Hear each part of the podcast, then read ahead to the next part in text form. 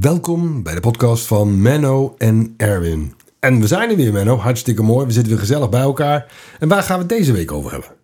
Nou, we gaan verder in onze serie eh, op tijd. Tijd. Aha. En eh, ik wou het dit keer hebben over klokken die overal in het lichaam zitten. Ah, want de vorige aflevering hadden we het over de cellen en hoe dat nou eigenlijk in één cel werkte. Ja, het is, en, nou ja, het is misschien even ingewikkeld om het, om het uit elkaar te houden. Maar je hebt dus in elke lichaamscel uh, zit, zit dus een kloksysteem. We hebben het al vaker gehad over die centrale klok die direct verbonden is met onze ogen en waar lichtinformatie zo belangrijk is. Die, dat is eigenlijk de centrale pacemaker, die Mhm. dus dag- en nachtsystemen uh, aanstuurt. Ja. Maar wat we daarna ook ontdekt hebben, is dat in, op allerlei andere plekken in het lichaam ook aparte kloksystemen zitten. En, en die lopen in een andere tijd? Of die... Bijvoorbeeld kunnen die eventueel ook met een andere, ja, met een andere, dus ook met een 24 uursritme, Oké. maar met een, met een eigen regulatie. En uh, dan kan je bijvoorbeeld denken aan de lever, dat is een heel belangrijke, maar ook uh, de nieren. Uh, ja. Ook in, onze, in de hersenen verder zijn er meer kloksystemen aangetroffen. En eigenlijk ontdekken we er steeds meer. Ja. Voor een deel is het niet onlogisch, omdat je moet bedenken dat een orgaan is eigenlijk een verzameling van cellen die ongeveer hetzelfde moeten doen. Al die ja. levercellen die, ja, die werken samen, ja. want als ze niet. Nou, om dat samenwerken goed te doen, heb je eigenlijk alweer een interne re regulatie nodig, een, een samengaan, een synchroniseren. Ja. Dat betekent dus dat je eigenlijk alweer om een klok gaat zitten vragen. Ja, maar ik bedoel, uh, wij hebben ook meerdere uh, klokken in huis, maar die lopen wel allemaal op dezelfde tijd. Ja, nou, wat er, wat er dus aan de hand is, is dat die centrale klok stuurt in principe ook die coördinatie, die coördineert al die perifere klokken, zoals we het okay, noemen. Die klokken ja. die elders in het lichaam zitten. Mm -hmm. uh, en bijvoorbeeld, uh, misschien komen we later nog wel een keer te spreken over wat er nou precies gebeurt bij ploegendienst. Daar, een van de problemen die dan, uh, die dan optreden, is dat die, die samenwerking ja. tussen. Wacht even, wacht even hoor. Ja. Ploegendienst. Henk, let je even op. Hè. Dit is vooral Henk, een van onze luisteraars, zit uh, vaak in de ploegendienst. Dus die moet even opletten nu. Ja, zeg maar. Ja. ja. Nou, een van de problemen die er, die er optreedt bij ploegendienst, is dat het lichaam op de een of andere manier niet, niet meer goed. Ja, je voelt je niet prettig. Nee. En wat er aan de hand is, is dat de lever bijvoorbeeld actief moet zijn op een heel andere tijd als die normaal gewend is. En dus die, die, die klokken die op verschillende plekken in het lichaam zijn, die, die, dat correspondeert niet meer met elkaar. Nee. Dus die klokken lopen uit elkaar. Oké. Okay. En uh, ja, en dat is, dat is eigenlijk is daar heel weinig aan te doen. Behalve hm. dat je kan proberen om de lever niet te veel te laten werken midden in de nacht, want dat is die niet gewend. Nee, dus niet drinken. Nou, maar, of niet eten. Dan gaat het vooral om eten. vet, vet okay. eten. Ja. Dus liever niet te veel vet eten. Nee. En, uh, ja, ja, als je hard aan het werk bent, dan wil je ook, moet je ook. Ja, dan moet je wel. Nou ja, kortom, dat, daar moet je compromissen sluiten. En die, die zijn ook wel gevonden. Ja. Nou, we zijn erachter gekomen doordat, uh, doordat, zeg maar, we hebben het er al eens over gehad, dat die centrale klok, die kan je uh, uit uh, de, de, hersens halen en die kan je in een apart bakje zetten en dan blijft die doortikken. Dan blijft hij uh, elektrische signalen afgeven, hij blijft uh, chemische signalen afgeven. Dus dan heb je gewoon een klok in een, uh, in een peterschaaltje. Nou, dat kan je in principe ook met een stuk lever doen. Oké. Okay. En ook die lever blijft doortikken. Hm. Het is alleen wel zo dat die centrale klok, die, die, die is eigenlijk niet te stoppen. Die kan maandenlang overleven, jarenlang. Terwijl okay. zo'n leversysteem, die begint op een gegeven ogenblik, uh, daar oh, begint de frequentie van af te nemen. Hm. Heel merkwaardig, als je dan in één keer het, het, het, het, een, een, een nieuw voedingsvloeistof zet, dan begint hij weer harder te tikken. Okay. Dus, dus het, misschien heeft het iets te maken met de input van voedingsstoffen. Hm. In principe zijn dus de nieren en de lever en al die verschillende klokken in, in het lichaam hebben dus eenzelfde soort eigenschap als die centrale klok. Alleen de centrale klok is, is een superklok. Die ja. is helemaal erop gericht om, om, om die cellen samen te laten werken. Terwijl een lever, ja, die moet ook heel veel andere dingen doen. En een ja. nier ook. En, ja. en andere hersengebieden ook. Dus het is niet helemaal verwonderlijk dat dat, uh, dat, dat wat verschillend is. Nou ja, wat er... Uh, wat in de tijd heel belangrijk is geweest, is, uh, is onderzoek wat, een, uh, wat we in Groningen voor een deel gedaan hebben. Een student die heeft gekeken naar wat is nou eigenlijk de invloed van, van de omgeving en van de, van, van de activiteit van een dier op die klokken? Want het is zo, de klok stuurt de activiteit aan. Ja, Maar het is ook omgekeerd. Ja. Eh, activiteit heeft ook weer uitwerking op de klok. Hm. En, en dat is logisch. Als je een systeem wil regelen, moet het beide kanten uit kunnen. Ja, Nou, en betekent het dat eh, als je eh, onze beroemde veldmuizen, want waar we toen altijd mee werkten, als je die geen loopwiel geeft in de kooi eh, en je kijkt dan naar de lever, dan zijn, is die niet ritmisch. Dus je hebt een loopwiel nodig, dus puur het beest moet zelf kunnen lopen om een ritmische lever te hebben. oké. Ehm, met een loopwiel waren sommige van die levercultures waren ritmisch en sommige genen daarvan. Ja, Eh, maar het was pas echt ritmisch als je ritmisch voedsel onthield. Dus niet continu voedsel gaf, maar af en toe een voedsel.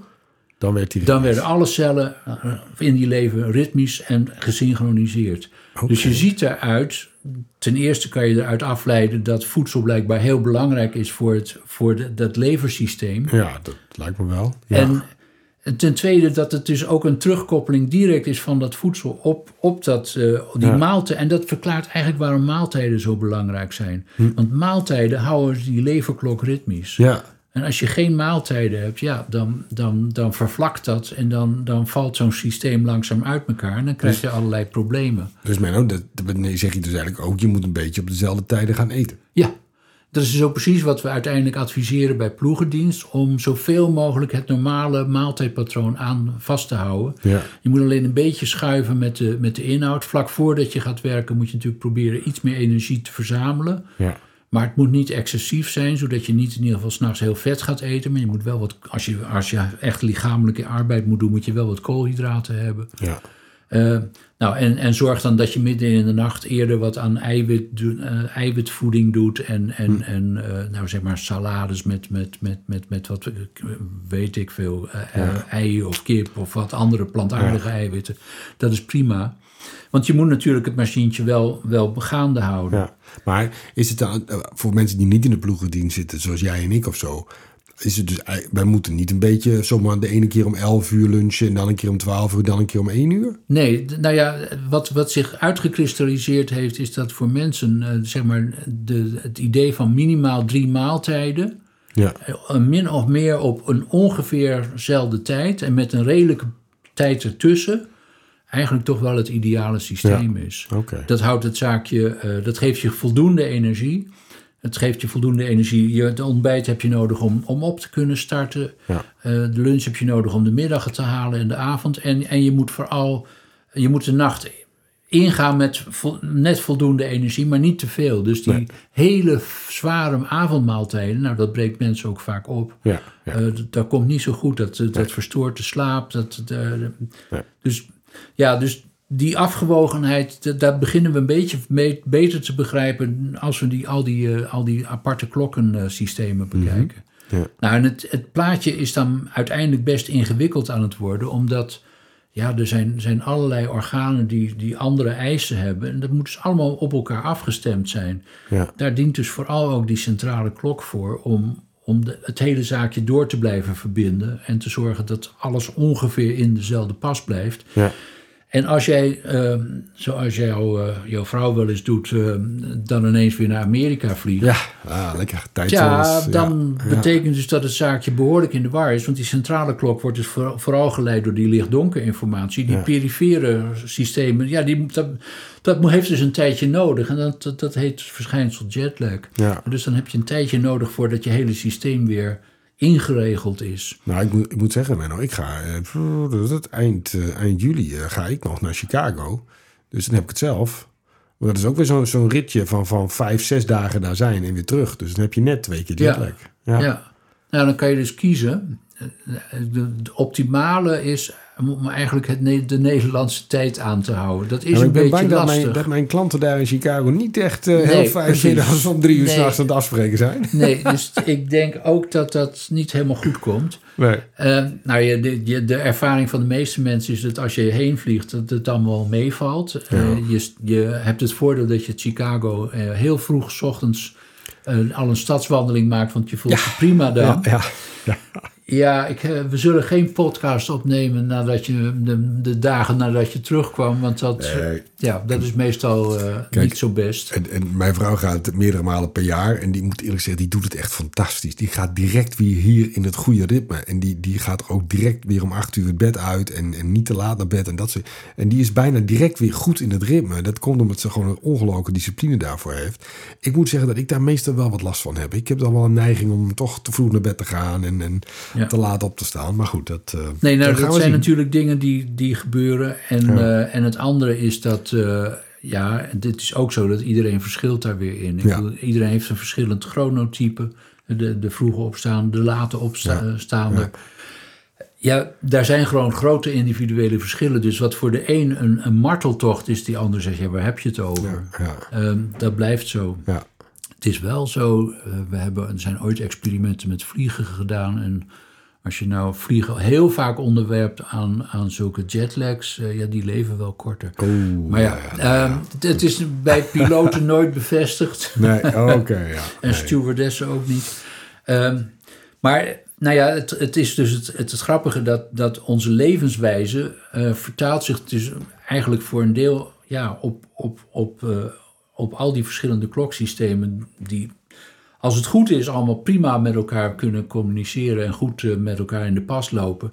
Maar ja, als wij weer rare dingen doen, dan gaat het mis. Ja. Ja.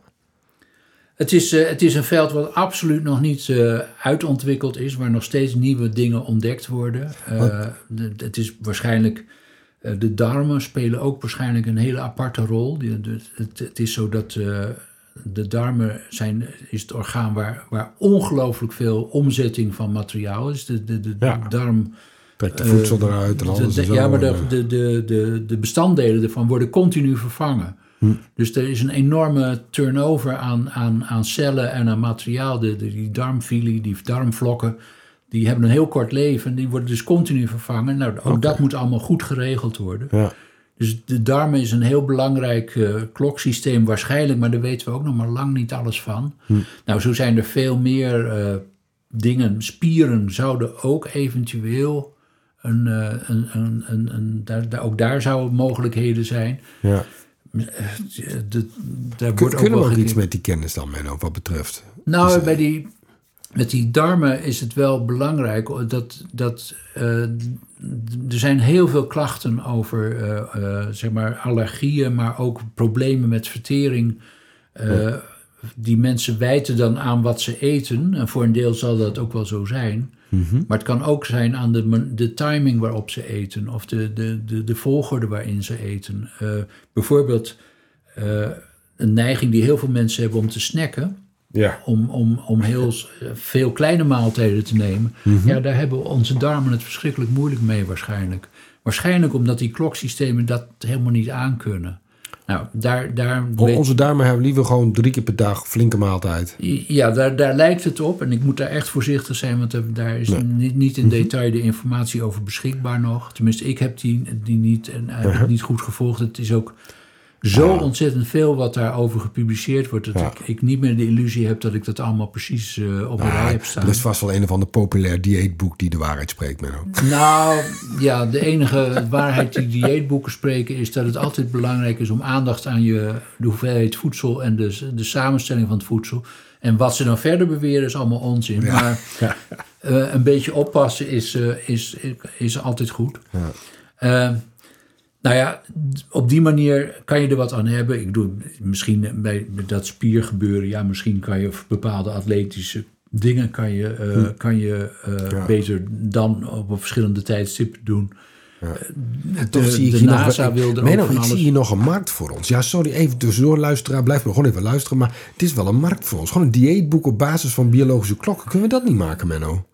Ja, ja, dit is wel heel gemeen, want je weet dat ik in een, in een grijs verleden eh, eh, bijdrage heb gedaan aan een kookboek wat Sonja Bakker ooit geschreven heeft Oh, voor de nou. Tata Steel. Kijk, De hoogovens heten het nou toen ja, de, hier maak je even punten mee, Menno. Tata Steel, Sonja Ja. Bakker, nog niet helemaal oké nu. Dus Ja, en, eh, en er was op zich was er niks mis mee. Want het, het was typisch een, pro- nou, dat is typisch een probleem. Mensen die, die keihard moeten werken Ja. ja. midden in de nacht. En, Ja. en hoe los je dat op? Ja. Dus toen heb ik, eh, ja, ik heb wat heel vriendelijke verhaaltjes al over biologische klokken. En een beetje wat we ook nu behandelen. Nee, maar laten we het nou eens een keer goed aanpakken dan, Menno. Hè, gewoon een dieet op basis van je biologische klok. Dat lijkt me leuk. Dat vind ik ook vast goed. Ja, ja. En goed, ik ga nog even Menno overtuigen, mensen. Maar eh, ga verder met je verhaal, Menno. Nou ja, de- hier houdt mijn verhaal denk ik gauw op. Want ik, eh, ik, ik geloof heel erg in een collega die inderdaad letterlijk gezegd heeft... het dieet dondert niet als je maar een dieet doet. Ja, dat is ook zo. En, eh, dus, en, en het, ja, de, de verkoopgetallen, die zijn, op de een of andere manier heb jij daar geloof ik altijd wel interesse in. Ja, nou, ja, goed, Menno. Dat is, we moeten allemaal toch een schuurtje vernieuwen. Dus we, moeten, hè, dus we gaan... eh, nee, we gaan vooral deze hobby doorgaan, Menno.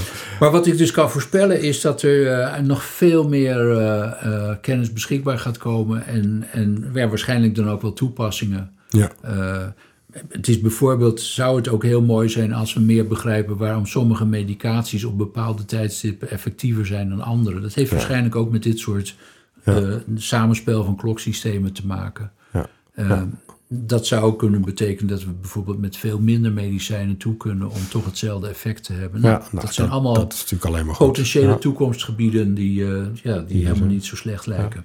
Nou, jongens, dit was weer een aflevering van Biologische Klokken, oftewel onze serie Op Tijd. Vond u het nou leuk? Volg dan onze podcast. En u kunt gaan naar onze website eh, www.mennoenerwin.nl en volg ons in uw favoriete podcastspeler. En dan krijgt u de volgende aflevering direct in de brievenbus.